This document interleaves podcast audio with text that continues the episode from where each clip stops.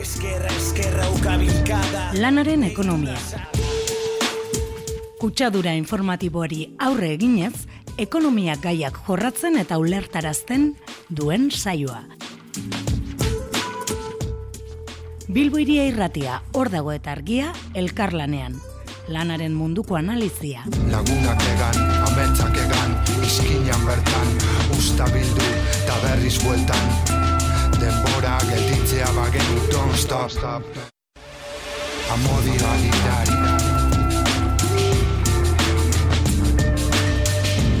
Arratzalde honen zule, lanaren ekonomia saioa duzue hause, gaurko saioak egitura berezia izango du. Lan erreformaren inguruko ba, e, berezia e, egingo dugu, monografikoa egingo dugu, urrengo ordu luzean Euskal Herriko zei sindikatuekin batera, ba, lan erreforma hori aztertuko dugu. Lanaren ekonomia saioan gaur aurkezle, maniri egokitu zait, ane zabala, baina saioko taldekideak ere bateratuko zaizkigu bertara, Bilbo iria irrateko sintonia honetara, Mikael Alvarez, Betelu eta Eki Etxebarria eta Jon Bernat Zubiri arituko dira sindikatuko kideekin berbetan, baina gaurkoan, beti egiten dugun bezala, Eki Etxebarriaren eskutik eh, abiatuko dugu saioa, sindikal agenda izango dugu lehen tartea, ohikoa den bezala, datosen egunetarako deialdien arrepasoa egingo digu eta. Ondoren, Jon Bernat Zubirik eta Mikel Alvarezek ba, sindikatuen iritziak jasoko dituzte. Dakizuen bezala, saioa Bilbo iria irratian zuzenean egiten ari gara, ondoren bilboiria.eusen izango duzue entzungai, hor dagon ere irakurgai izango dira gaurko elkarrizketak argian ere, eta nola ez, arrosasareko zuen irratien ere izango duzu entzungai. Gaurko lanaren ekonomia. Sindikatuak, ba, ELA, Komisiones Obreras, LAB, UGT, CNT eta SKko kideak, e, bueno, ba, izango ditugu hemen. Esan bezala, ba, saio abiatzeko, ekirekin, e, abiatuko dugu sindikal agendarekin. Egunon, e, ba, bu- bueno, e, saio maratoi honekin hasi baino lehen, e, gogora hasiko dut, badagoela aukera programara audioak bidaltzeko, e, un, onako telefono honetan, hartu boligrafoak, 6 lau lau, lau bederatzi, bederatzi, bos, bos, lau. Astiro esango dut, 6 lau lau, lau bederatzi, bederatzi, bos, bos, lau. Eta zuzenan ditzera animatzen basarie, hau da telefonoa, bederatzi lau, lau bi lau, iru zazpi, zero lau. Bederatzi lau, lau bi lau, iru zazpi, zero lau. Eta ba gaur urtarriak amazazpi dituela, ba, e, ja, e, ja luzaro daroan e, greba bat, Bizkaiko Nobalti enpresako langileek, greban jarraitzen dute, bederen, bederatzireun damargarren egunez ja, hitzarmen duen baten alde. Eta dagoeneko Europako greba luzena izaten ari da Nobaltiako langileena. Bilboko Bilbon, Bilboko Guggenheim Museoko garbitzaileen kolektiboa ere greban dago, berreun da garren egunez, lan baldintza eta soldata duinen alde, eta baita soldata arrakalaren aurka. Gero Saratamo eta Seberoko vulkanizado Zuluaga enpresako langileak greba mugagabean daude ere, berreun da laugarren egunez, hitzarmen duin baten alde. Orozkon, artiaz gaieta enpresako langileek lau, lau orduko lanustak egiten ari dira, iagunero langileen baldintzak hobetuko dituen hitzarmen baten alde. Gero, arabara joan da, gazteizen, altan bernedoko langileak, greba mugagabean daude ere, azoren hogeita bederatzitik, hitzarmen propio baten alde. Eta Donostian, e, Gros auzoan, Azora Funtz Putreak hiru familia etxegabetuko etxegabetu ditzake edozein egunetan. Beraz, ba saretxe e, Groseko sare etxebizitza sindikatuak adi egotera ditu du. Ja, eguenera salto eginda, urtarriak hogei, gazteizko Hugo Equipos de Transmisión enpresako langileek, greba mugagabera joango direla aurreratu dute, zuzendaritzak lan baldintzak hobetzeko jarrera aldatzen ez badu. Eta ja, domekan, urtarriak hogeita iru, kalitatezko osasun zentroak aldarrikatzeko eta langileen lan gainkarga salatzeko manifestazioa deitu dute sindikatuek amabietan EAeko hiruburuetan. Eta gaur atera den e, deialdi, be, e, deialdi berria, urrengo domekan, hau da, bi astera, urtarrieko hogeita mar, lan erreformaren kontra eta lan harremanen euskal esparruaren alde, mobilizazioak deitu dituzte ELA Labs, Teilas, SK etxalde eta hiru sindikatuek amabietan Ego Euskal Herriko lau hiriburuetan e, ba, manifestazioak izango dira. Eta hause, hausek izan dira em, bildu ditugun deialdiak momentuz, seguramente ba, gehiago egongo dira, beraz ba, gogoratu badagoela email bat e, urrengo deialdia bidaltzeko, eta ba, animatzen zaituztegu ba, bidaltzera, ze bestela, ba, ba, igual ez gara konturatzen e, dauden deialditaz. Eta email hau da, laneren ekonomia, abildua gemail.com lanaren ekonomia dena batera abildua gemail.com eta ba, bueno, ba, jarraituko dugu aurrera e, saio honekin lana reformaren inguruko saio honekin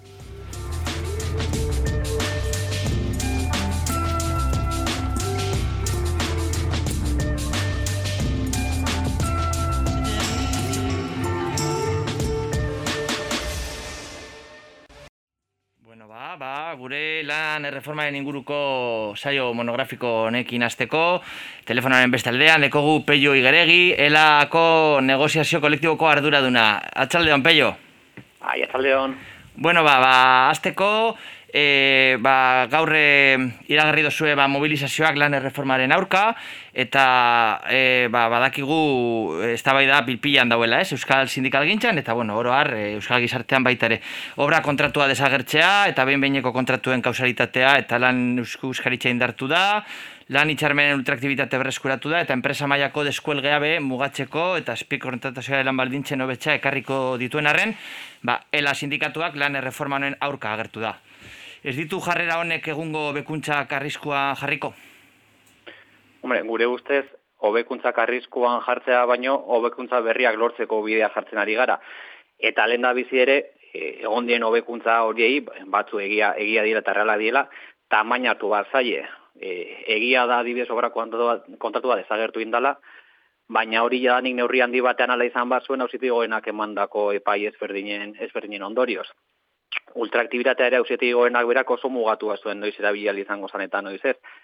Eta esan gandakotik, eba, ikuskari kopurua lan erreformaren bitartez ez da handitu, orduan elementu horiek espali aurre aterako ere, horren besteko kalterik elitza joke egingo langilei. Enpresa itzarmenetan ere, devaluazioa mateko, sodaetan bakarrik ez da ongaukearik emetik aurrera, baina beste elementu guzetan berdin jarraitzen du enpresa kontra, eh, enpresako itzarmenak lehentasuna izaten eta azpikontaetan ez da inungo aldaketarik ezarri. Eta gure ustez, hobekuntza horiek batzu erreala diela, baina tamainan txikiek, e, ez du horren ordainetan ondorio ezin da izan uko egitea 2000 eta mar eta 2000 eta ko lan erreformei e, hauen indargabetzari, eta are okerrago dana, hoien zurdurari edo elementu nagusia ontzat ematea guretzat ez da bat ere berri ona. Eta berezi kaleratze merkea eta erraza indarrean mantentzea, enpresek alde bakarrez lan baldintzako okertzeko aukera izatea, edo estatuko hitzarmenek lehentasuna izatea, ez da, ez da, onarga, ez da onargarria. Eta iruditzen zaigu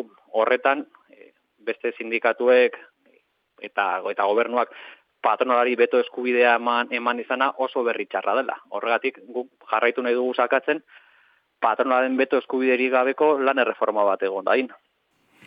Ondo, eh, lan reformatik aratago edo apurtxo bet, eh, testu inguru zabalago batean, ba, ikusi dugu azken urteetan gutxieneko soldataren igoera nabarmenak egon direla, berriak eh, iragarri ditu azken egunetan Jolanda Díaz ministrak, pandemian ondoriozko kaleratzeak e, eh, inprocedenteak e, direla agindu zen, martxoko bi, sortxi 2008ko dekretuak, eta bueno, gero etorri ziren beste, beste neurri batzuk baita ere, ba, bueno, erabakigarriak ez dakit, e, sektore publiko sozialak indartzeko, telanaren eskubidak bermatzeko, edo raider bezalako legeakoak. E, zergatik elak, eta zergatik uste dozu elan erreformau elmuga dala, eta ez eskubide berriak irabazten jarraitzeko abia puntua? Bo, gobernuak berak hori ezan duelako. Gobernuak bi urte zera matzan indargabetzari buruz hitz egiten, ondoren ezan zuen urgentziaz az, azkeneko lan erreformaren elementu kaltegarrienak bertan bera utziko zituztela, eta horretan aritu dira orain, orain arte. Eta gobernuak bera gainera badaki patronalari beto eskubida ematen baldin badio, akordioa patronaletik pasatzen baldin bada, lan erreformaren indargabetzerik ez dela posible izango. Ez orain, ez, ez etorkizunan, eta guretzat harrigarriena dana, e, momentu honetan, la alderdi subiraniztek hobekuntzak aukerak mai gainean jartzi dituztenean, printzipioz lan erreformaren indargabetzan nahiko zutenik arazoa jartzen hobekuntza horiek mai, mai gainean jartze, jartzeko. E, ba, CEO erekiko akordioa garrantzitsuagoa da kongresuan lan erreforma hobe bat egitea, egitea baino, guretzat hori ulertezina, ulertezina da, eta eman dituzun adibidetan, gutxineko soldatena adibide noa odana iruditzen zegu. Jo, gutxineko soldataen igoera handiena 2019an eman zan Podemos gobernutik kanpo zegoenean euneko hogeta bi igo zuten e, gutxineko soldata. Urte horretan jadanik elkarrez eta hausta zegoenean euneko bosteko soldata, soldata igoera bat izango izango zala. CEOek mugatu izan balu gutxineko soldataren igoera, momentoetan gutxineko soldata asko zere txikiagoa izango litzara.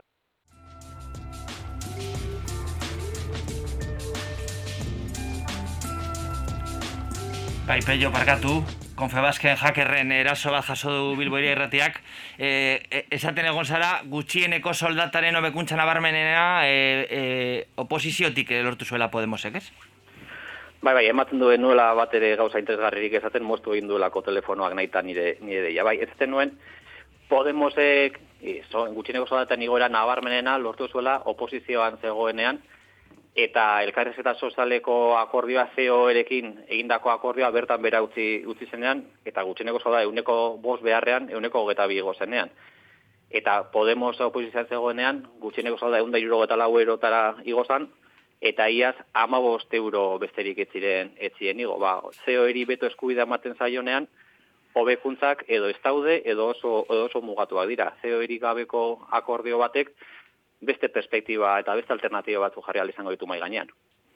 Bai, hor nabarmena izan da, lehenengo igoraka da horren ondorio, segondan borroka kultural nabarmena, eta ostean, egon da urrengo igoera hori ez, bederatxireun eta berrogei tamarra arte izan zena, ba, akordioren bidezkoa, zerako lasaitasunean e, e, onartu zen, ikusiko dugu mila eurora e, urrengo, urrengo aste edo hilabeteetan e, iragarritako urrengo goraka da itxarmenen bidez edo ez lortuko dan, ez? E, bere duzeinan, borroka hori eta, bueno, e, zuek nabarmentzen dozuen e, 2008 eta 2008ko lan erreformen derogazio osoaren inguruan, e, nabarmentzekoa da, ez? Bebai, mila beratxeon eta laro lauko, eta mila beratxeon eta laro malauko lan erreformen e, alde importanteak be derogatu indirela lan erreforma berri honetan, e, badakit e, igual egon aldirela desadostasunak, baina Europako onespena eta patronala subordinatuz baita negozizioen bidez,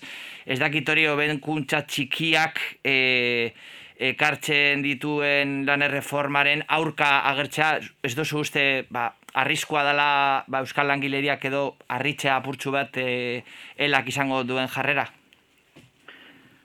Mo, banik izango nuke Euskal Langiria harrituko balitz kontrakoagatik harrituko litzatekela, elak onezpena eman balio akordio, akordio honi.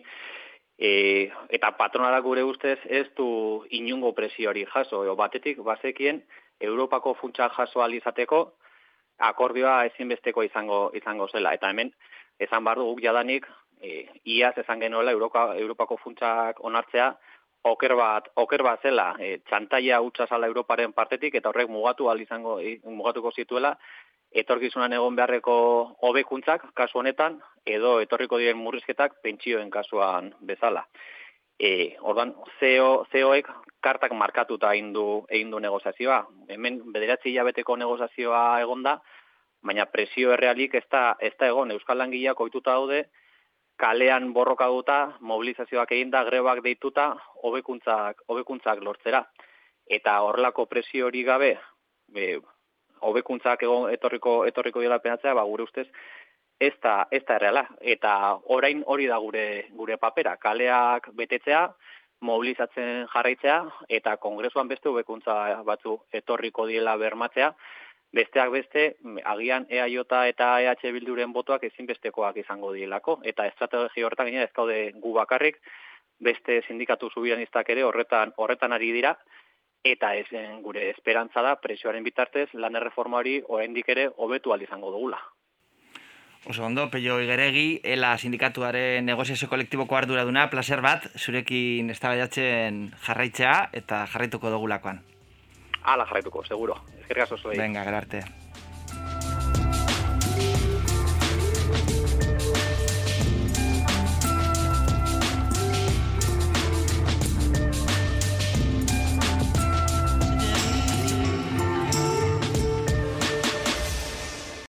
Bueno, dakigunez, ba, komisiones obrerasek, eh, ela ez bezala, ba, lan erreformarako akordioa eh, ba, ba, bestu egin dira.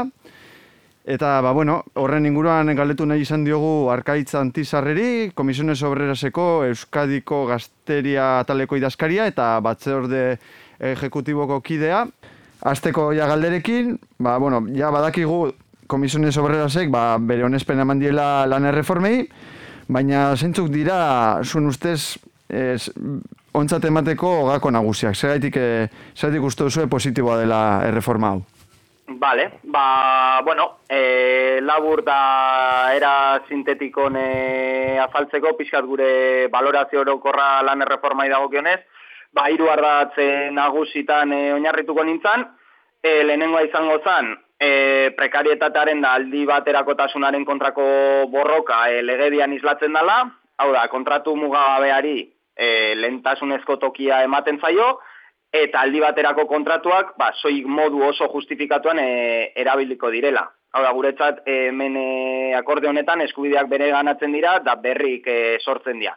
Bigarren puntua, izango zen negoziazio kolektiboa, en langileek negoziazio boterea bereganatzen dutela, hitzarmen sektoriala, enpresa hitzarmenaren gainetik e, aplikazioa idagokionez, gainetik e, geratzen delako, eta hirugarren ardatzo izango zen, e, enplegua bermatzen dituzten tresna berrik e, legedien barrun barne biltzen direla. Hau da, ERTE pandemi garaian ezagutu ditugun ERTE mekanismo guzti hauek, e, guain e, langile estatutuaren barrun barne biltzen dira e, rez mekanismoaren bitartez. Orduan hiru horiek izango zian guretzako akordionen e, ardatzen nagusiak. Bale, eta, bueno, akordionetan imaginatzen dut ere, utzuneak edo ba, lortu ez diren, baina nahiko, lortzen nahiko genuken gauza batzuk lortu dire, ez direla, lortu gabe geratu direla.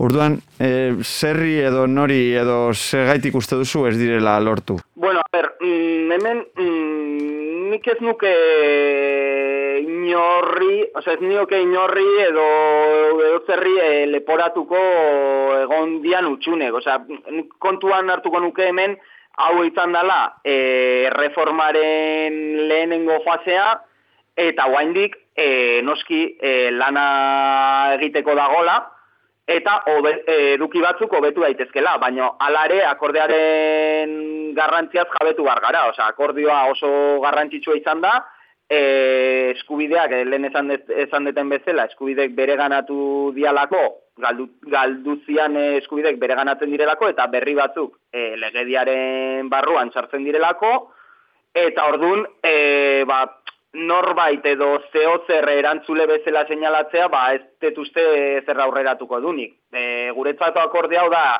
e, irabazi, irabazi terminotan kokatu beharrekoa, hau da, ingles ez win-win deitzen dana, oza, mm, aldek e, irabazten dutela, batez ere, 2008ko lan erreforma mm, bertan bera uzten ditulako, oza, e, eskubidek bere ganatuz eta eskubide berrik sortuz. Orduan e, hori ba. E, lehenengo fase e, e, hau da, negoziazioaren lehenengo fase baten kokatuko ginean hemen eta guaindik ba inbeharreko lana ba bigarren fase edo hirugarren fase baterako mm, mm, kokatu beharko zan baino e, garrantziak kendu gabe uain arte lortu dian aurrera pausoi. eta, bueno, esaten nuen, ba, patronalak azken finean eh, esan duen agaitik, ba, espero ez akordio bat lortu duelako ez, eta ba, e, arraroa da patronalak esate espero ez eta azkenan lortu duela ez, eta horregatik, ba, zaitik uste duzu igual, zaitik esan du hori edo ze interpretazio egin daitezke? Bueno, a ber, nik e, itzein behar dut, e, Komisiones Obreras Euskadiko valorazioa idagokionez, eta Komisiones Obreraseko kide, kide bezala patronalak ze iritzi dauken edo ze valorazio egiten duen, e, behaiek e, azaldu barko dute, e, beraien itzen esan aia, eta behaien itzen zergatia. E, ordun, e, esan dizuten bezala, akordioan e, parte hartu dugu, e, mm, bueno, agente desberdinak, ordun, bakoitza uste, e, bere valorazioa inbarko dula, eta nik azaldu izudan modun, e, azaldu deten modun, e, sindikatun valorazioa, ba, oi, ed, edukin azterketan sakontzea proposatuko nuke. Hau da, e, aldi baterakotasunan ingurun egiten den limitazioa, e, ba, mm, ba, patronalak zer esan duen aztertzea, baino, baino garrantzitsuagoa iruditzen zait. Orduan, e, akordioa e, positiboa iruditzen zaigu langile klaseantzako.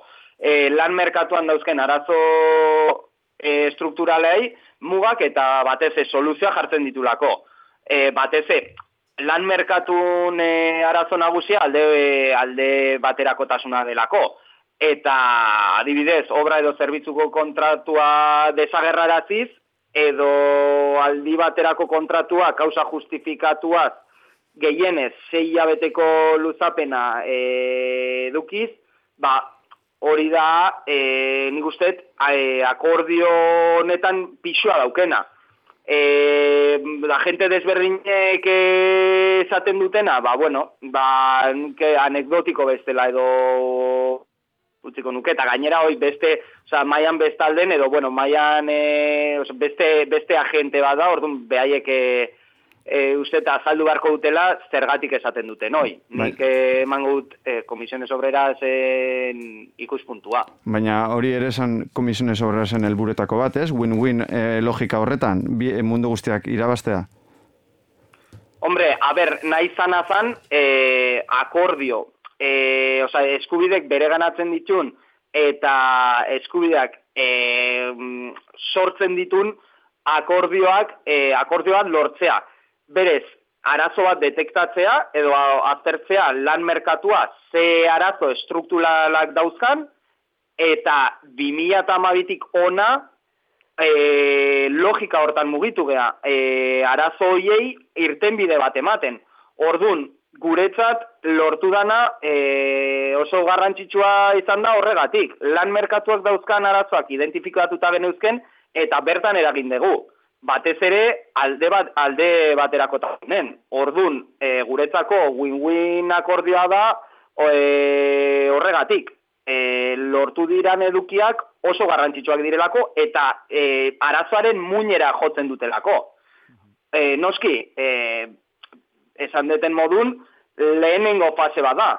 E, ikusiko dugu, hemendik aurrera, logika honetan, ba, zer, e, bueno, e, lehenengo tramite parlamentarioa guain e, oi, komunikabidetan eta hitz egiten dan e, tramite parlamentario hau pasatzen danean eta lan erreforma, bueno, ba, akordat, e, akordio batera edo ratifikatu egiten baldin bada, ba, ikusiko dugu, hemendik aurrera, ba, datozen negoziazioetan, e, ba, bueno, zer nolako ibilbidea dauketen negoziazioa, baina printzipioz, e, lehenengo fase honetan atera diren edukiak, nik uste, e, sustraietara jotzen dutela. Arazaren e, muñera, esan deten bezala. Orduan, horregatik e, kalifikatu dut e, irabazi, irabazi akorde bat bezala. Guzti honetan, mobilizazioaren papera e, zein, zein izan da?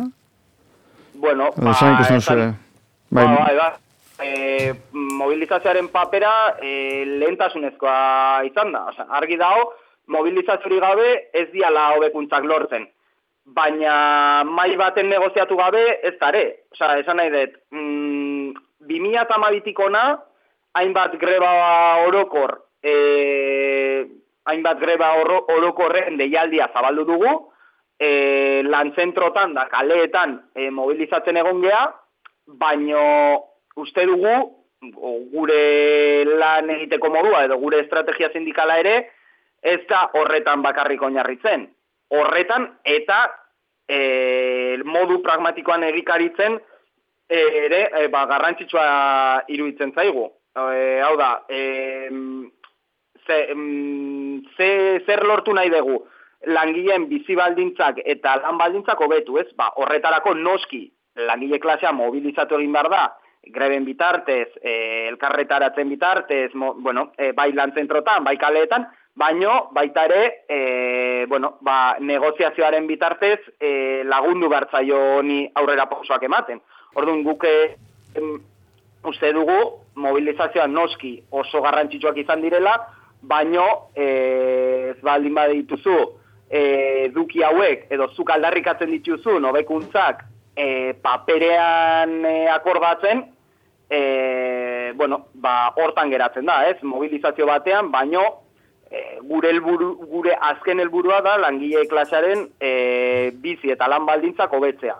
Ordun horretarako, ba, uste dugu tandem hau edo bikote hau e, ba, ezin, de, ezin ditugula banatu. Ordun e, argi dago, e, akordio ontara, mobilizazio hori gabe, e, ez ginala, ez ginatekela iritsiko, eta ez bakarrik akordio honetara iristeko. E, gogoratu behar dugu, urte guzti hauetan, kado, hitz egiten nahi geha, kasi az, azken amarkaldia, a, a, bai, amarraldia, so, azkeneko amarra urtetaz.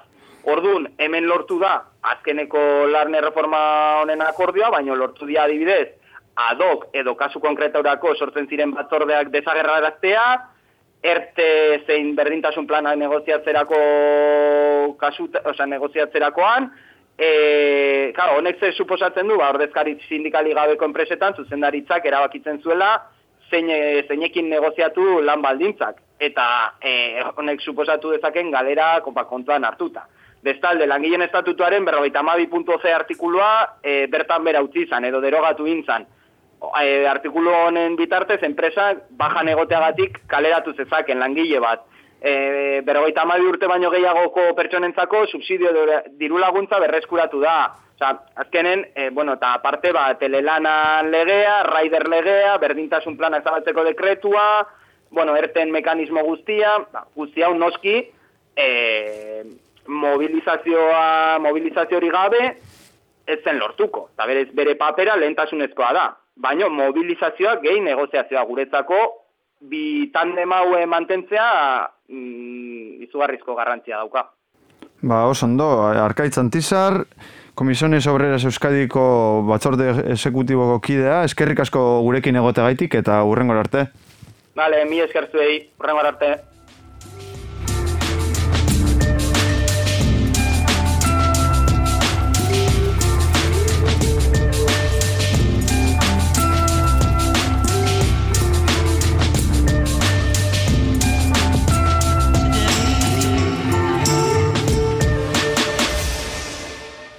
Mundu batetik bestera, jarraitzen dugu gure lan erreformaren inguruko monografikoa, e, oraingoan Xavier Ugartemendia, e, labeko negoziazio kolektiboko eta ekintza sindikaleko idazkaria, Arratsaldeon Xavier. Arratsaldeon. Bueno, e, aurretik e, ELA eta komisioneseko e, e, militante, bueno, e, kideekin egon eta gero, orain, e, ba, zuri tokatzen zaizu ba, e, Bilbo irratiko e, galderak erantzutea, badakigu lan erreforma hau ez dela nahikoa, argi esan dozuela, e, mobilizazioak iragarri dozue baita ere, E, baina bueno, Espainiako kongresuan urrengo asteetan onartu aurretik eragiteko aukera dagoela esan dozue baita be zuen e, agirian. Zeintzuk izan beharko ziren, e, bereziki eskerri independentisten gutxieneko zuzenketak lanerreforma berrian alde boskatzeko. Bueno, gu labetik argi eta garri esan dugu zuk esan duzu moduan zein dan iritzia lortu dan akordioari buruz. E, uste dugu helburu izan behar dela, bueno, 2008ko lan reformaren derogazio osoa, izan beharko litzateke. Hori da gu markatu genuen helburua. Ze, bueno, e, batez ere lan reforma hori gintzanean langileen kontrako neurriak hartu ziren e, alde bakartasunez e, argi eta garbi. Orduan, hor eh, hor eh, hori zen beharko litzateke hori da labi markaturiko e, zera helburu, eh. E, akordian ikusi dugunez, e, ba, bueno, lan erreforma horrek ezarri zituen, e, bueno, neurri atxe, atxerako jenak edo tronkalenak ez dira ukitzen, eta dira hainbeste dira, e, e, ukitzen ez direnak, pues, fleksibilitate inposatzearena, itxarmen baten adosutakoa alde bakartasunez e, e, patronalak mugitu alizatearena, hori guztia ez dukitzen, baina bueno, guretzat e, bueno, ikusita zerretan mugitu eta o, mugitu den apurra ikusita, guretzat e, bueno, gai bidira borret, e, bueno, pues, e, indar edo garrantzi gehienak hartzen hartzen dituzten alde batetik kalerapen inguruko zer guztia, hor badakizu 2012 garren urtean pa, e, erreformak izarri zituela kriston errastasunak kalerapenak egin alizateko, horren inguruan ez da inongo akordiorik, inongo punturik zehazten e, bueno, elkarrezketa sozialeko mailan hartu behar den edo lortu berri duten akordio horretan, lotxagarri egiten zaigu kalerapen inguruan ez errezukitzearena, e, azkenengo krisialdietan eta azkenengoko e, e, amarkadan e, milak izan dira langileak e, kaleratu izan direnak lege horren bidez, milak lanpostu zontxitu dira, eta horren inguruan ez esaterena eta, eta ondo baloratzearena, bat ez estatu mailako sindikatuak eta gobernuak akordi hori lotxagarri iruditzen zaigu.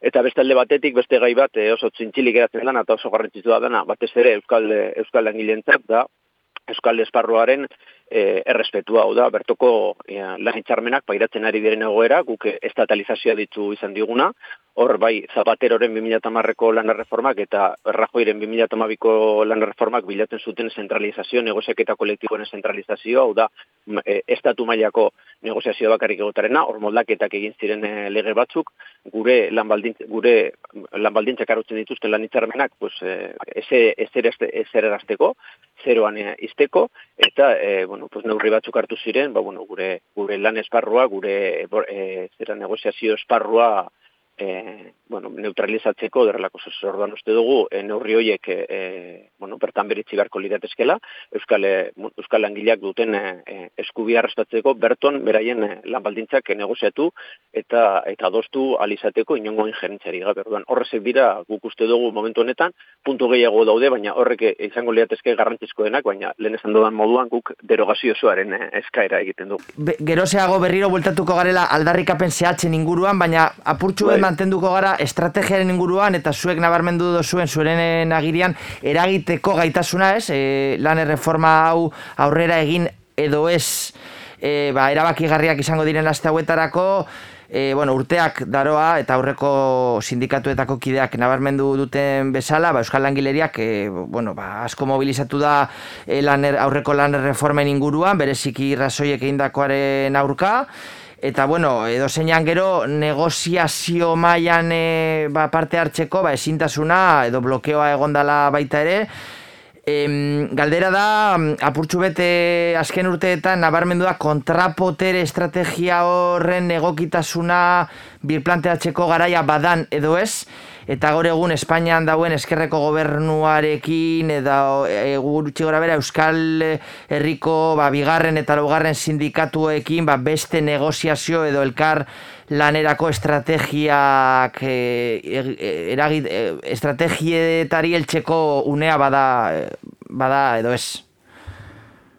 Bueno, estrategiari dagokionez, e, bueno, guk uste dugu azkenengo markadan, aurretik ere, baina azkenengo markan batez ere, pairatu ditugun lehenengo krisi ekonomikoarekin, eta gero orain krisi pandemiaren edo krisi sanitariaren inguruan, pues krisi desberdinak erabiltzen direla langile lan baldintzak askartzeko, kaleraketak egiteko, e, biztan legoa pobretzeko, gure zerbitzu publikoak e, neutralizatzeko edo, edo, edo indaragabetzeko eta suntzitzeko, orduan, panorama hori ikusita uste dugu ez dagoela beste irten biderik e, borrokarako erabakia erabakia baino. Ez badugu borrokatzen ez kestuko esterri ezer. Eta e, argi eta garbi ikusi dugu ez? Borrokatu borrokatzen edo borroka potenteak egon direnean hitzarmenak berriztu egin dira akordiak lortu izan ditugu. Osea borrokatzearena, lan zentruetan borrokatzearena, kalean borrokatzearena, nahi esko zer bata, pairatzen ari garen egoera horreta, e, egoeran aurrean. Borrokatzen ez badugu ez, ez, dago, ez dago indarrik. E, e, akordioak ezin dira gauzatu, hori Madrileko akordioa horretarako nahiko nabaria da, nire aurreko kideak ez, ez gauza batzuk esan ditu nahiko harritu nauenak, e, baina gauza da, Madrilen negoziatu da akordio bat, inongo indarrik gabe, ez da mobilizaziorik egon, inongo mobilizaziorik ez da egon, edazkenean akordio bat eginda, non sindikatua sinatu dute akordio bat, patronen aurrira egindako akordio bat. Zergatik, ez dutelako inongo indarrik, ez dutelako langileak mobilizatu. Hori da arazua, orduan, gure plantamentua zein da? Plantamentua da, pairatzen ari garen egoera honekin, kolak ez da llobiendo, e, borroka da zentrala, lan balditzak e, defendatzeko, gure bizimudua e, e, defendatzeko, bizitza hobeago bat izanateko, gure zerbitzu publikoak mantentzeko, hori guztiarako borroka zentrala da. Orduan, e, batzuk esaten dute, e, bueno, lan borroka edo langileen borroka, klase borroka, pues igual e, e, pasatuta dagoela edo beste, beste momentu batzuetako zera dela. Naita nahi da borroka egitearena, langileen borroka naita nahi da, langile lehen aipatu dana, lan balditza defendatzeko eta bizi baldintza hobeagoak lortzeko. Borrokarik ez badugu ez dago indarrik.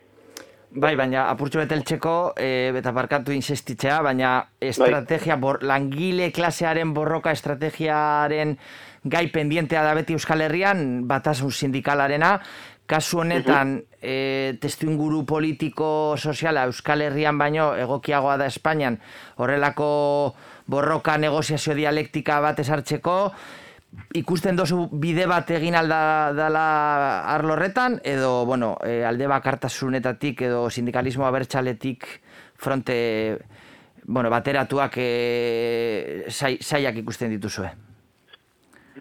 Pues azkenen gurtetako egoera ikusita, ba, bueno, e, zaila da, baina, bueno, batzutan lortzen dugu, beste batzutan, ez? Guk uste dugu, indarra batzearena egokien izango litzatekela, baina gu sindikatu moduan, e, bueno, e, erabaki batzuk hartu ditugu eta premisa batzuk jartzen ditugu, ez? Norekin nahi dugu borrokatu? Lehenengo eta ben, borrokaren aldeko auto egiten dutenekin, bai?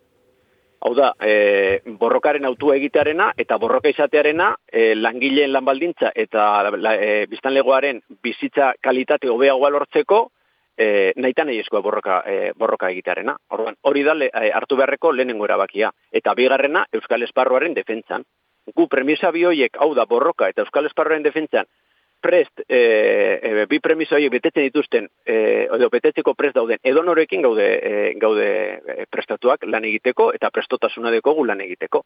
Gauza da hori ez dela betetzen, askotan. Itxaramenetan batzutan e, sindikatu guztia batzen gara, eta beste borroketan ez, eta beste borroketan normalean gehiengo sindikala ditzen diogunak, hau da, Euskal Sindikatuak, pues bakarrik, e, e, Euskal Herriko eremuko sindikatua bakarrik, pues batzen gara hori da dagoen egoera. Orduan, guk ez ditugu ateak izten. Gu planteatzen duguna da, borrokaren aldeko apustu egiten da, Euskal Esparrua defendatzeren aldeko apustu egiten da, gurekin, e, baskiri esan zaitezke. Horre premisa biak betetzen ez badituzu, pues, e, normala denez, e, pues, bueno, pues, zailtasun gehiago izango ditugu e, borrokatzeko, baina guk ez diogu aterik inori izten.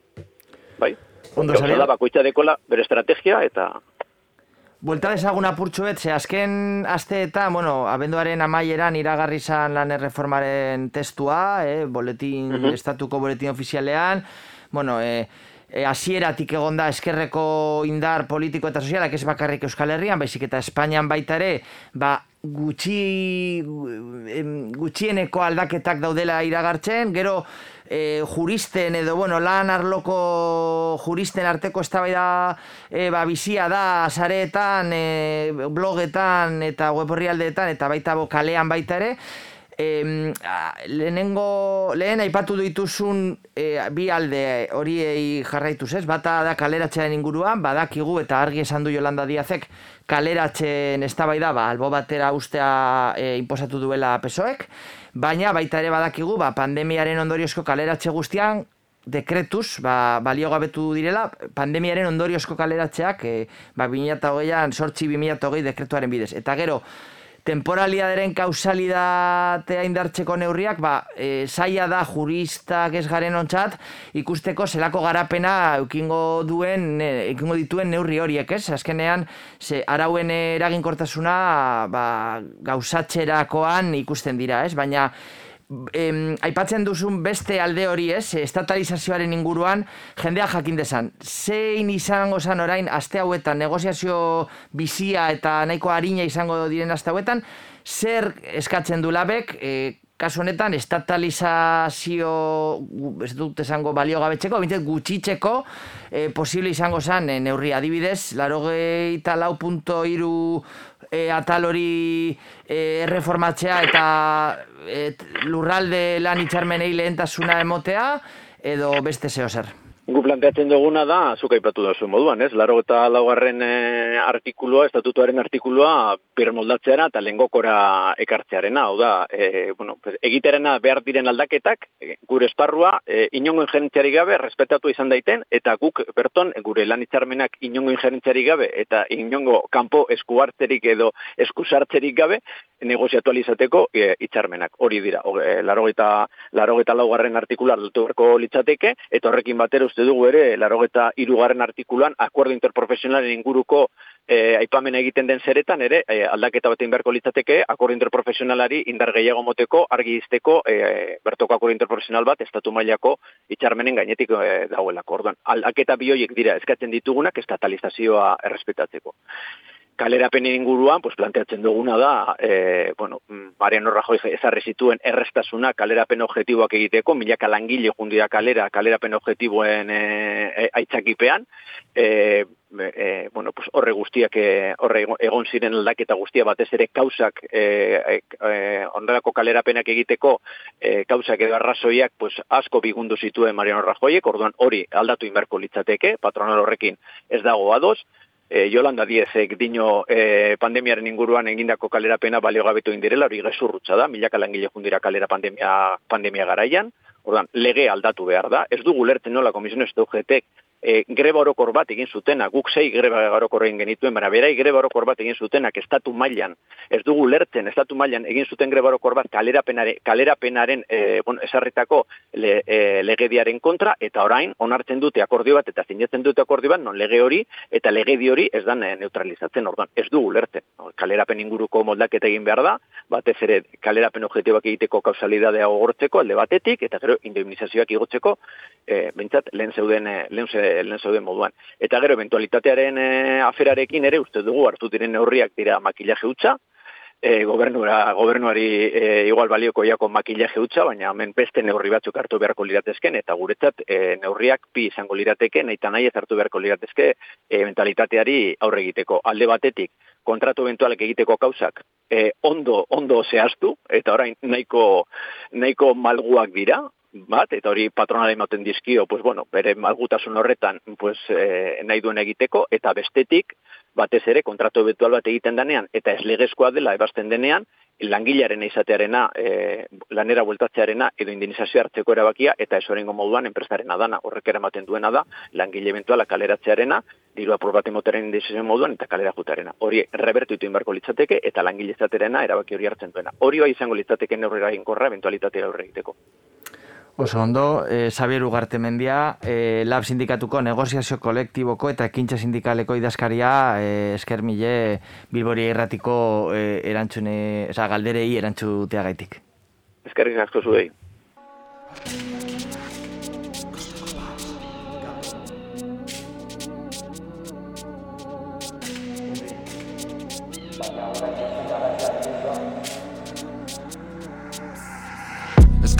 Mediotan agertzen, barruen daku gure guda. Ez dugu zentroa baztertzen, baina orain ertzen garaia edu da. Bermio, Bayona, bierri eskutik eskura Idasoa muga ikusten dutenak dira gure muga.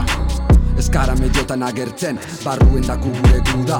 Ez dugu zentroa baztertzen, baina orain ertzen garaia edu da. Bermio, Bayona, bierri eskutik eskura Bidasoa muga ikusten dutenak dira gure muga. Logeratu barik, Eurek esan arren ezenan ez dauela lanik.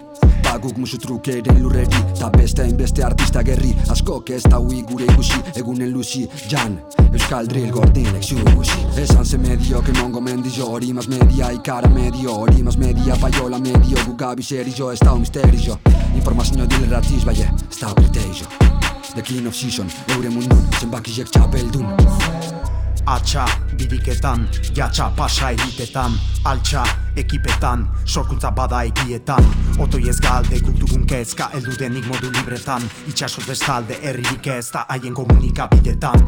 BPM kliketan, hitzetan, klipetan, ez gira neurtzen kliketan. Gatomekin bertan gabiltza izketan, hitzaren moduan hitzetan.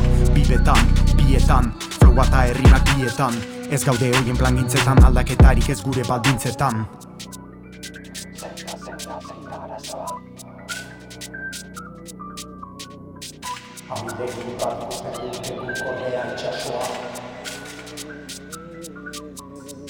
Itxasot bestalde Zer denez galde? Ez ditut ikusten bitalde Berbaitzen da besarri de balde. Egi eurokorraren jabe. Gaur bi, Euskal Drill Uste baino gehiago da bil. Isil. Erein eta bil. Laneko gogoa ez da hil. Kilometrutan neurtu ezin dizena ediza berre txikizek Zeutan neutan gaur pito dei iritzen begizek Konta guzun historize, bai ez dako zetan ezan egize Begize falta ezkero entzun, zentzune galdu ezkero agur. Ez da falta izan eztenik, aldiz ez da egon etenik Ez dut erranen honeztenik, baina ez dugu sekatzen honespenik Talentuei izan beraien gisa musika produktu bailitzan Ta horrek bultza berbadu sorkuntza, zinez aliteke librea izan. Barruen daku gure guda Baina orain ertzen garaia heldu da, bermio, Baiona, bi herri eskutik eskura, bidasoa muga ikusten dutenak dira gure muga. Ez gara mediotan agertzen, barruen daku gure guda Ez dugu zentroa baztertzen, baina orain ertzen garaia. Bueno, bueno, ba, lana erreformaren inguruko monografiko hau, ba, normala intenso izaten ari da, eta orduan, ba, saioa normalean baino luzeagoa izaten ari da, eta tira, ba, go, e, gaton eta odeien ertzean kantuaren ostean, UGT Euskadiren e, ba, ikus, ikuspuntua jasoko dugu lana reformaren inguruan, eta horretarako dako hemen Zuria Arsa, UGT Euskadiko berdintasun, gizarte politikak eta anistasun idazkaria. Kaixo Zuria, zer moduz? Kaixo, eki ondo, arratzaldean. Arratzaldeon, tira ba, e, Azteko, ba, esan apur bat zindan zuen valorazio orokorra lan erreformak ekarri dituen lorpenen inguruan. Beno, ba, e, valorazio orokorra ona da, akordio bat lortu da gobernuaren eta gizarte eragileen artean, eta hori beti ondo egoten da langiro hobea lortzeko. E, adibidez, aurreko araudia, PPek egindako bakarreko erabaki baten emaitza zen, eta orain negoziazio kolektiboa indartu, eta lan harremanen oreka lortu nahi da, horregatik ba, funtseskoa izan da, elkarrizketa sozialeko mailan adostasuna lortzea. Gure ustez ez da sinatu langileen lan baldintzako kertzeko moduko zer. E, arkaitzek esan duen bezala, ba, enplegu baldintzak e, hobetu egin dira, negoziazio kolektiboan ere hobekuntzak lortu dira, e, izan ere, ba, behin behin dikotasunari aurre egiteko, ba, obrako edo zerbitzu jakin baterako kontratuak kendu da, eta e, kotizazio gehigarriak ordaindu behar dituzten enpresek aldi baterako kontratuetan, ba, bi gauza hauek oso, oso ondo daude. E, denok dakigunez e, aldi baterako kontratuen erabileraz abusatu da, baita Euskadin ere, lau kontratutatik bat obrakoa edo zerbitzukoa baitzen, Eta gero ba, e, negoziazio kolektiboan ere hobekuntzak lortu dira, aurreko itxarmen kolektiboaren indarraldian berreskuratzen delako, ura berritzeko akordiorik lortu ez bada, ba, aurrera egina esaten zaio horri eta e, aurrera egina berreskuratu dugu. Gero azpi kontratazioen baldintzak ere hobetzen dira, sektore itxarmenak edo lan egiten den enpresen itxarmenak aplikatuz, Eta bestalde e, aldi baterako enplegu erregulazio esperientei dagokienez, e, ba, pandemian abian jarritako neurriak e, sartu dira, horrela enpres, enpresatzak e, figura hori erakargarriagoa izango da kaeratzeak gauzatu aurretik erabiltzeko, ba, gure ustez hauek dira e, lorpen interesgarriak oroak. Eta, bueno, lorpenak lorpenez, Egia da, ba, 2008ko erreforma guzti, oza, puntu negatibo guztiak ez direla, ez direla bai. kendu ez. Eta hor, bueno, imaginatzen dut horre batzuk egongo dira, eta orduan segaitik uste duzu daudela utzune horiek edo seri leporatu alizaizkio. Mm, beno, leporatu ez, ezke e, mae gainean zegoen asinatu da e, ba, gobernuak patronala mai horretan eta akordioan sartzea nahi zuen, mm, hori dela eta ba, akordio horren mesedetan e, e, e, utxunaren bat sortzedin, baina hala ere hau lehen urratsa dela uste dugu, eh? E, oraindik hitz egiten jarraitu behar da, e, irugai oso importantei buruz, bat da langileen estatutuaren e, berrogeita bat artikulua, hau da lan baldintzen funtsesko aldaketa, beste bat e, kaleratzeko arrazoien berrik, berrik, berrikuspena, eta e, kaleratzeagatiko kalte ordainen igoera. Eta enplegu erregulazioko espedienteetan berman diagoak e, lortzea. Oraindik hori, hitz egin jarraitu behar da. Ados, eta, bueno, gero patronalak esan du, espero ez zuen akordio bat lortu duela, eta hori zelan interpretatu daiteke? ba, ba ez dakit hori esaten duten une, une honetan. Bai esaten zuten, nire ustez, e, 2000 eta maikan, amabian, parkatu, baina, beno, ba, baliteke haie pentsatzea e, gobernuaren asmoa haiek e, negoziaziotik kanpo ustea zela eta ez da horrela izan. Nire ustez oso modu positiboan baloratzen dute gai batzuei buruzko akordioak lortu izana, baina argi geratu behar zaie ez, e, hau ez dela e, hemen amaitu. Esan dudan bezala, mai gainean zeuden gaiei buruzko akordiak lortu dira, baina negoziatzeko oso gai garrantzitsuak geratzen dira, eta horretan tematuko gara. Ez hori, bukatzeko, e, zein izan da mobilizazioak izan duen papera ba, lorpen honetan? Ba, mobilizazioa e, beti da importantea. Guk e, aurten hilero mobilizazioak egin ditugu, konzentrazioak egin ditugu. E, pentsioen erreforma, peperen lan erreformaren ondorioz sortu ziren gai guztiak aldaketa eta lanbide arteko gutxieneko soldata igoera lortzeko. E, hori lortzeko egin ditugu mobilizazioak. Eta e, ba, pentsioen erreformaren zati bat eginda dagoeneko, baina oraindik gai horri buruzko hainbat eh, eztabaida gai daude eta negoziazioak horiei buruz jarraitu behar da. E, bestalde, e, lanbide arteko gutxieneko soldatak ere gora egin du, baina aurten e, mila eurora igotzea aldarrikatzen jarraituko dugu, eta lan erreformari buruzko gaiak aldatzeko akordio hau ere lortu dugu, gure ustez, E, beraz, mm, akordio garrantzitsuak lortu ditugu, baina langileen lan baldintzak hobetu daitezen borrokatzen jarraituko dugu eta horretarako mobilizazioak behar badira, ba, ba egin egingo ditugu. Zuria Arza, UGT Euskadiko berdintasun gizarte politikak eta nistasuna idazkaria, eskerrik asko gurekin egotagatik eta ba, laster arte. Bale, eskerrik asko zuei, mil eskerreki. Agur. Agur. amor y realidad.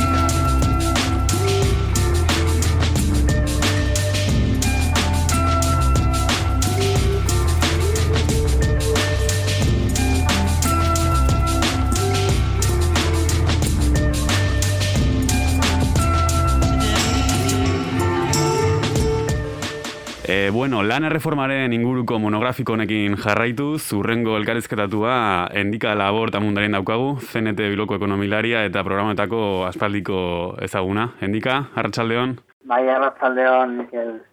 E, bueno, elkarrizketa azteko apur bat beste galdetu dieguna ere galdetuko dizu guzturi. E, zenetetik nola baloratzen dituzue lan erreforma berrian planteatzen diren balizko aurrera pausuak eta, eta utxuneak? Beno, ba, hor bi maila bereztuko genuke. Bata juridiko dana, eta horretan ez da handia zutzua eta asko sakondu dana, bai komunikoetan, baina beste bat, ba, lehen gizu zenean azaitatuko zaien ez, da? Lehenengoan, e, ba, bueno, zinetzailek eta hemen e, ondira aipatzen, ba, honen edurak e, defendetu dituzte, aurrera pausen dela zanez, Eta azten erratu behar da, erreforma hau sakona izan daitekela, baina gure ustez ez dela e, oso eragingarria. Eta lehen bestekidek eh, aipatu duten moduan, horretarako testu inguru osoa aztatu aztatu bako litzateke, eta amar eta amabiko lan erreformak, e, barne malgutasun, e, enpresan barne malgutasuna ez, ez zutena, eta amabikoa, ba, bueno, ja, e, baita ere, e, kaleratzea murriztu zuenak, eta e, hori oinarriak ez dute, ez dute okitu. Zaiatu dira bai, e, zartzen malgutasun eta kontratu motak mugatzen, baina hor bada emoten den e, arazo da ez dela irte da malgutasuna dantzena da kaleratzea, zuzenean. Orduan, berdin da, edo ez dauka eragin handirik, e, kontratu motak aldatzea, gero e, enpresan barnean, ba, e, lan erre, e, enpresan errepresioa aplikatzen bada, edo kalera etu bada, ba, nola e, errepresio enpresan, edo kapitan errepresio horrekin nola aplikatu daiteke enpresan lurrean tokien toki ne, neurri ez? Ba, hor, e, zaitasunen ikusten dugu, nesta, artikula oso polita geratu, gero errealitetera eramatea e, zaila da, eta horretik, da, bigarren maila hori estimaratzea gustatuko litzeguke, ba langi zuzena aztekatzen diena gure ustez benetan garrantzitsua dena. Hau da, e, txanda lantoki eta hartotegia alda daitezke hau egun, erreformonekin, eta mm, horiek ba- e, badira ba, alde, mantentzen diren alde negatibo batzuk, beste batzen artean, ezta? Orduan, labur bildu, eta eman dena da, bolatzoren jolasa edo trilloran jolasa, hau da. Aurrera pauso eskaz batzuk eman dira, hauetakoak batzuk, da, hausete da, onartuak euskatuenak, ultraaktibidatea, beste makillaje neurri batzuk, ba, kontatu mugabeak estadistikoki handitz, handitzeko, nizta kaleratzen lira mantendu, eta ez dela, ez dira, ez barnez kanpo magutasuna ukitu. Eta horretik, ba, apur, lana eta kapital e, gatazka ikusita eta langin indarra aztertuz, e, ezin ditek esan, ere aurrepasu bat den lana magu. E, indar korrelazioa aipatu duzu, lan eta kapitalen aldeko indar korrelazioa. E, uste duzu zentzu horretan gaur egun daukagun edo dagoen indar korrelazio sozial, sindikal eta politikoarekin zerbait gehiago lortu zitekela edo e, baldintzatan gaudela beste bestelako neurriak e, hartzeko? Euskal Herrian baietz noski eta ez maian lurralez lurraldatzen badugu, ba, kasuz kasu uste baietz, adiez Katalunian, Andalusian eta, eta Galizien, ez da? eta ere beste liko ez baina orokorrean e, Euskal Herriak antzen badugu gure foko moduan, bai. E, gako da, ba, bueno, lan erreformaren dauka gaurren sindikatuk e, ze gatazkata lan dinamika jarraitu nahi dugun. Betez ere estrategia disparekotasunak handiak direnean. Agiren gertatu da, e, azken aldionetan, ez da?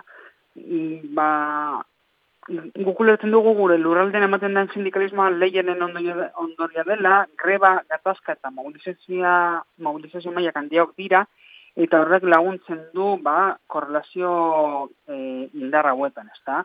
Baitere, ba, tokizko gatazketan oinarrekin den sindikalismo dela, eta horrek hau ba, tu ba, zex izan dela azken aldiko ba, gatazkan baina, bueno, e, gatazkak e, anitzak dira, e, asko dira, ez da?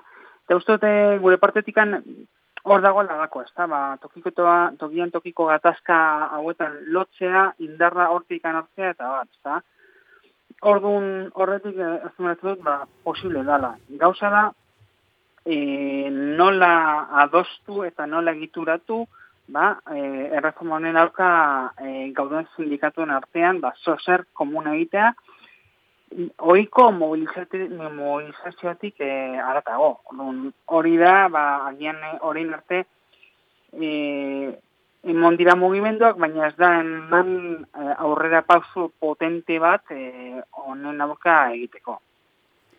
E, aipatu duzun bezala, e, bueno, bai, egia da Euskal Herriko argazki sindikala agian, e, estatuko argazki sindikalaren oso ezberdina dela, Baino aipatuko genuke ere, aldarrikapenak ere oso ezberdinak direla, ezta? E, bueno, gaur Euskal Herriko gehingo sindikalak prentsa horreko eskaini du mobilizazioak iragartzen, eta horra adibidez hitzarmen autonomikoen lehentasuna e, markatzen zuten, ez? Hitzarmen estatalen gainetik. E, zenetek adibidez irakurketa berdina konpartitzen du hori zailtasun bat izan daiteke agian e, mobilizazio konpartituak edo agenda konpartitu bat martxan jartzeko? Agian E, hartzen badugu, adibidez, e, Euskal Herriko lan harremanen marko edo hori, edo hori askotan azpimarratzen da, edo e, edo negozio kolektibo, ba, lurreleko negozio kolektiboa, ba, bueno, horretan indartzea, guk ere partetik e, pantatzen duguna da, e, langileek parte hartu dutela prozesu horretan, hori da gakoa hau da, e, enpresan, e, enprestan e, negoziatzea, eta hori izan da, ba, gure negoziazio kolektiboren estrategia, e, azken amar urte hauetan, eta e, boteria langin gana urbiltzen bada, guk aurrera pausu bat moduan ikusiko dugu, orduan. Hori da planteatzen da, bai, ez, hor dago ez da bai da bat, ez da. Hori izango litzateke, ba, zeneriteren ba, ikuspuntua da, e, lan harremana eta negozio kolektiboa langilin gana da, ba horren alde ongo gara. Eta argi dago mendik aurrera mobilizazioak egon direla, baino e, zergatik uste duzu e, negoziaketak e, iraunduen bitartean, e, komisioen sujete, patronala eta gobernuan arteko negoziaketek iraunduten bitartean, e, sindikalismo alternatiboa ez dela izan gai mobilizazio indartxoak planteatzeko. Zein uste duzu hor izan direla utxuneak? Hemen egiten dugun irakurketa ba, hainbat e, hainbat iturri ditu, ezta? Eta lehenengo izan litzateke, ba, 2000 eta berat, eta meiruko urten arteko, ba, greba horrekoren zikloak, eragin handi izan duela urrengo urte, urrengo urtetako ba, mobilizazioetan eta sindikatuen dinamiketan, baina baita ere, ba, sindikatuen, sindikatuek hartu dugun estrategia, ez eta estrategia aldaketetan. Mobilizazio handien dinamika batzuetatik, sektoriala izatera, eta gero baita ere, ba, enpresas, enpresa egitere, e, enpresas, enpresetara pasatu dana. E, horrek eragin bat izan du, baitere kostu bat, askotan, ba, e, egon zan, egin ziren beratzi barokor, eta gauza lotu bai, baina e, ez ziren lan reforma gelditu. Horrek badoko betere kostu bat, bai? kostu psikologikoa zenez, beste greba bat. Orduan, hor dago e, elementu bat, gero dago atzeraldian diak, e, izan eta bi erreforma laboral hauek, ez lan erreforma amarrekoa eta amabikoa.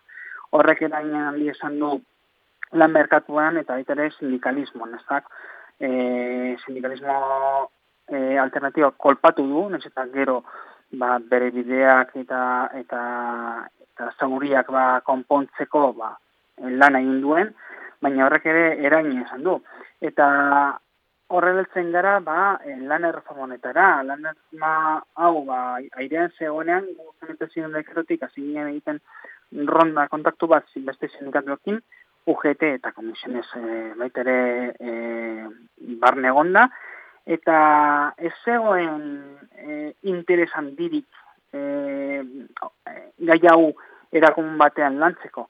Interesa sortu da ja azkenean, azkenengo fasenetan sartu garenen, e, hor ba, baitere ba, ikusiak berazko litzateke, lehen, lehen aipatu dudan e, dinamika, da, mobilizizien dinamika, atzera aldi eta e, nola harrapatu gaituen sindikalismo orokorrari eta baita ba, bueno, e, iraultzaile edo alternatiboa, ez Ez garela heldu edo hau da niri bitzi pertsonal bat, ez da? Azken orduan heldu garela e, prozesumetara eta ez dugu asti nahikorik izan ba e, gauza pontzen batzuk mugitzeko.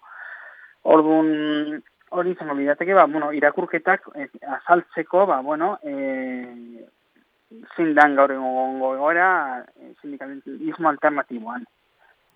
Oso, endi, oso ondo endika, ba, eh, ausnarketa horrekin utziko dugu horko elkarrizketa. Eh, endika labort, amundarain, zeneteko biloko ekonomilaria, eskerrik asko eta ziur, aukera izango dugu la, lan erreformak utziko dituen mobilizazioak, ausnarketak eta ondorioak eh, partekatzen jarraitzeko. Eskerrik asko. Naizui, agur. Mirada disidente, calle en llamas, llantos llenan, canto, drama. Plano se abre, blanco, negro, vieja escuela, no hay progreso. Busca el aire con quien quiere bailar un baile al paso que difiere. Dirua gaintzen duen munduan, ez egin kasurik sentimenduei. Asi da down county. Abertzalea naiz naiz eta behartuta. Euskara ingute bi estatu ilotuta Baina behin askatasuna lortuta. Ikurriña entzuneneko kerreko du. Ez egin kasurik hori esan ezik Nire biotxaren taupadak entzun ditu bakarrik. Biar betza jarriko digute baina horrein bit Aukena daukagu egiteko zerbait. Ez egin kasurik hori esan ezik Nire biotxaren taupadak entzun ditu Eta jarraian, azkeneko elkarrizketa, honekin emango diogu amaiera lanen reformaren inguruko gaurko maratoiari. E, gurekin daukagu Iratxe Alvarez, esekako koordinakunde nazionalak aukidea eta Nafarrakoko bozera maia. Kaixo Iratxe? Arratxaldeon, bai. Arratxaldeon. E, beno, lehenik eta behin, e, nola baloratzen duzu e, esekatik e, lanen reforma berrian planteatzen diren balizko horrela pausuak eta eta utxuneak? Bueno, gu e, sindikatutik ez dugu lan erreforma honen valorazionik egiten, hori agerikoa da. Gure ustez e, nola baita iruzurra izan da, ez, erreforma hau. E, ez delako langileok nahi genuena, ez da behar genuena ere, ez, Eta, eta batez ere e, ez, ez delako izan e, Madrilugo gobernuak agindu zuena, ez, o, gobernu honek esan ziguna. E, elburua printzipioz e, bazen e, aurreko lan erreformak indargabetzea eta ez e, e, daukagun lan erreforma hau ez, guretako makillaje apurtzo bat e, jartzea baino ez, ez, dela, ez dela izan eta bueno, e, guretzako aurrera pauzu gutxi eta utzune gehiegi. e, daude e, erreforma hontan, ez? Aukera ezin hobea e, galdu dugula uste dugu e, eskerretik langileon eskubideak berreskuratzeko eta baita ere zeri bakarrik, ez? Langileon eskubideak berreskuratzea e, garrantzia handia dauka, baina baita ere e, eskubide berriak e, indarrean e, jartzeko eta eta guri ere bueno, eta harritu edo kezkatzen engaitu ere e, feministatzat den e, gobernu batek ez guztiza astea emakumeak e, lan erreforma honetan, ez? E, eta bueno, e, aurrera pauzu izan zitezkeen eta eta bueno, horre zenbait kauza bai e, ere ba, badaude, e, aldaketa gehienek e, naiz eta e, lengo irakurketa batean arrera pauzu bezala e, hartu balizatea e, trampa dute e, gehienetan, ez? Eta eta bueno, e, hori da orokorrean gure gure valorazioa. Hor kokatu dituzu aurrera pausu batzuk, ez agian trampa izan zitezkenak, baina aurrera pausuak azken finean, bai ultraaktivitatearena, azpi kontratazioaren hainbat inguruko neurri, eta bar, e, esango zenukete esekatik e, 2008ko lan erreformaren oru estrukturalak ez direla aldatu, edo, edo funtsezkoena ez dela aldatu? Gurezako ez, e, zuk aipatu duzu ultraaktibitatearen e, berreskurapena, bueno, naiz eta ere horretan e, nabardurak egon, e, kasik e, e, uretzako da, e, ontzat eman dezakegu e, gauza bakarra, ez? E, negozazio kolektiboan e, estatu markoa imposatzen da beste bine ere, inolako segutasun juridikorik eman gabe, e, bai Euskal Erkidegoan, Nafarroan negoziatzen diren e, e, itzarmenei, e, lan hitzarmen sektorialen e, prevalentziaren inguruan ere hor badirudi ez edo edo iruditza daiteke nola baiteko hobetuntza egon zitekela baina hobekuntza bakarra e, soldaten babese babezitan dago eta ez beste dozein ere muen ez e, ematen direna gure ustez lan hitzarmen sektorialak osotasunean izan beharko lirateke e, minimoak eta ez bakarrik e, e, soldatan ez e, eta bueno pues, e, langileen kaleratze prozesuetan ere ez dago aldaketarik e, eta eta batez ere e, horrek dakarren ondorioekin, ez? Ikusi ikusi du e, urte hauetan zer dakarren horrek, ez? Ba, prekarizazioa eta eta ziurgabetasun handia langileontzat, ez? E, kaleratze kolektiboetan administrazioaren kontrolik gabe ere e, jarraitzen du. E, emakumeak guztiz asko dituzte erreforma honetan, e, per, perspektiba feministarik ez duen lan erreforma da, e, eta, eta nik uste dut hau ere oso garrantzitsua dira, ba, batez ere kontutan izan da, azken urteotan e, e, izan ditugun greba feministe, feministak e, kontutan harturik ez, e, horre e, lan esparruan e, egiten diren aldarrikapen e, horietako bakar bat ere ez da zartu lan erreformantan, e, eskubide berri buruz hitz egiten e, nuen lehenago ere, eta eta hor dugu adibidezeko eta zaintza langileak beste bain ere e, erregimen orokorretatik e, kanpo geratzen direla, oiteren agindu, aginduei berriz kaso egin dabe, bueno, horre badaude eta zuk aipatu duzu azpi kontratazioen e, e, e, historia ere, e, azpi kontratazioa dagokionez, e, gueta barrezekak e, azpi kontratazioen ingurue, inguruko kampainare e, bueno, e, indarrean jarri zuen ja pasadan urtean, eta eta e, guretzako horretan ere kaldutako aukera bat izan da, ez? E, bakarrik zerbitzuan ez eta kontratak mukatzen dituelako, eta, eta bueno, guretzako da e, zerbait oso e, erreza, ez, eta guztiok ulertu dezakeguna, e, ezinbestekoa da lan bera egiten e, dugunok lan baldintza berberak izatea, ez, ezin egon e, e, bigarren eta, eta lehenengo mailako langileak, ez? Eta, bueno, e, horre esan dakoa, ez? Ba, gauza batzuk badirudi ez, e, hobekuntzak izan daitezkenak, baina, baina gero letra txikira ez, edo, ja, arreta ondiagoz irakurtzen duzunean, ba, ikusten da hori ez dela eman.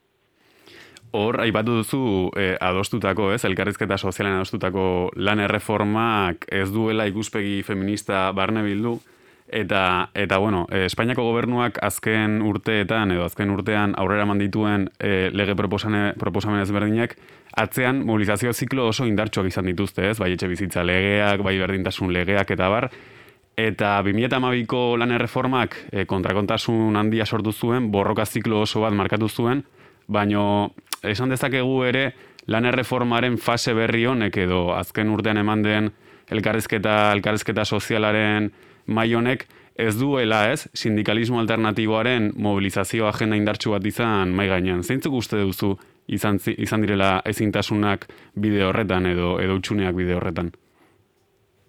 Bueno, hor ere, bakoitzak bere irakurketa propia izango du, ez, sindikatu bakoitzak, e, guretzako horretan ere e, aukera bat e, e, galdu dugu, ez, e, eta, eta e, nola baiteko autokritika ere e, egin behar dugu e, sindikalintza alternatibu horretatik. Gure apostua, ezekaren apostua mobilizazioa izan da beti, hori delako guretzako zagite e, tresnarik poteretzuena den edo ez, baina ez dugu hori da gure, e, gure tresna horietariko bat.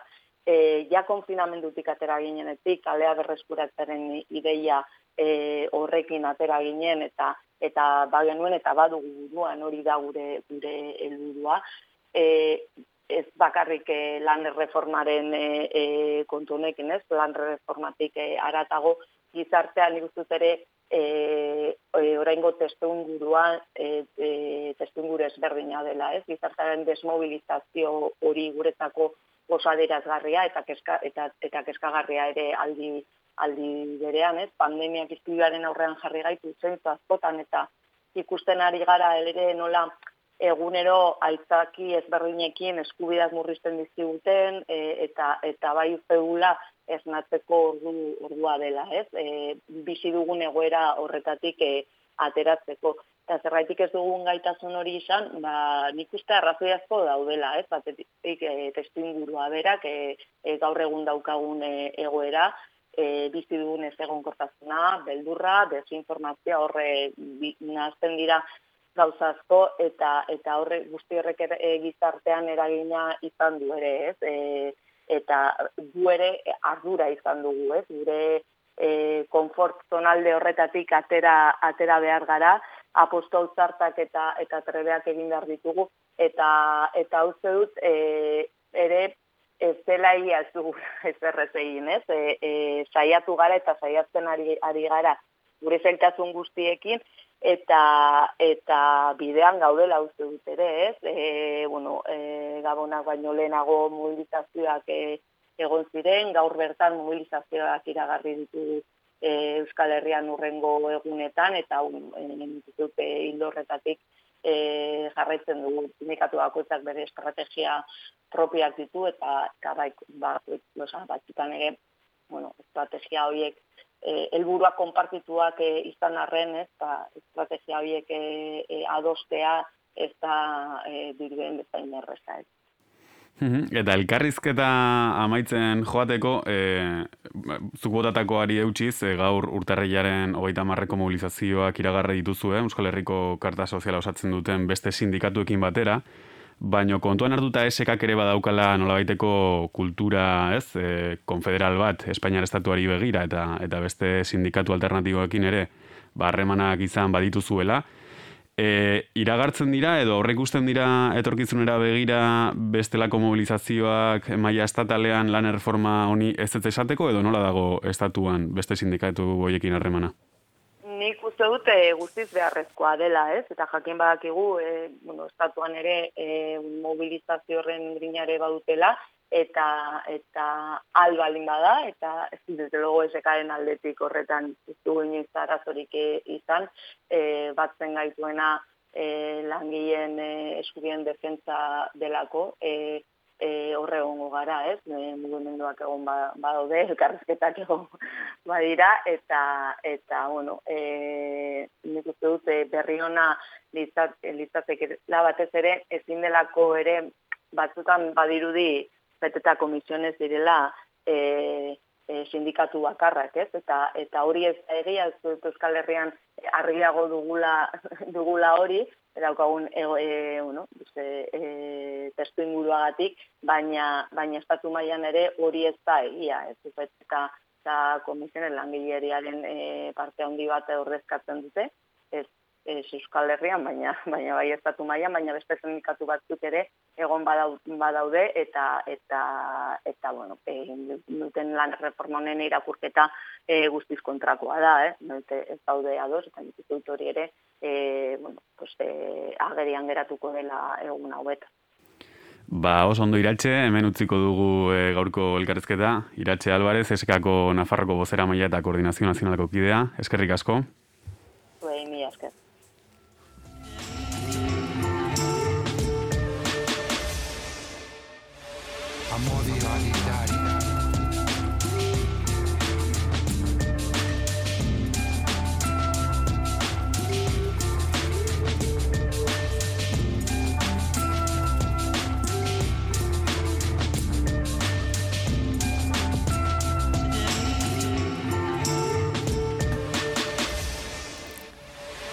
Ba, pizka bat luze joan zaigu gaurko saioa, gaurko lanaren ekonomia. Abiat, abizatu dugu hasieran gaurkoan berezia izango zela, monografikoa, e, lana erreformaren inguruan. Horretarako, ELA, Komisiones Obreras, LAB, UGT, CNT eta SKko kideekin iritziak batu ditugu lanaren ekonomia honetan. Uste dugu, naiz eta luze joan den, interesgarria izan delakoan uste dugu. Ama egun barru, batuko zaizkigo berriro ere lanaren ekonomia Elkarteko kideak, ba, Jon Bernat Zubiri, Eki Etxebarria eta Mikel Alvarez, eskerrik asko, eta ba, bi aste barru berriro batuko gara hemen, ez? Bueno, ba, venga, gero arte.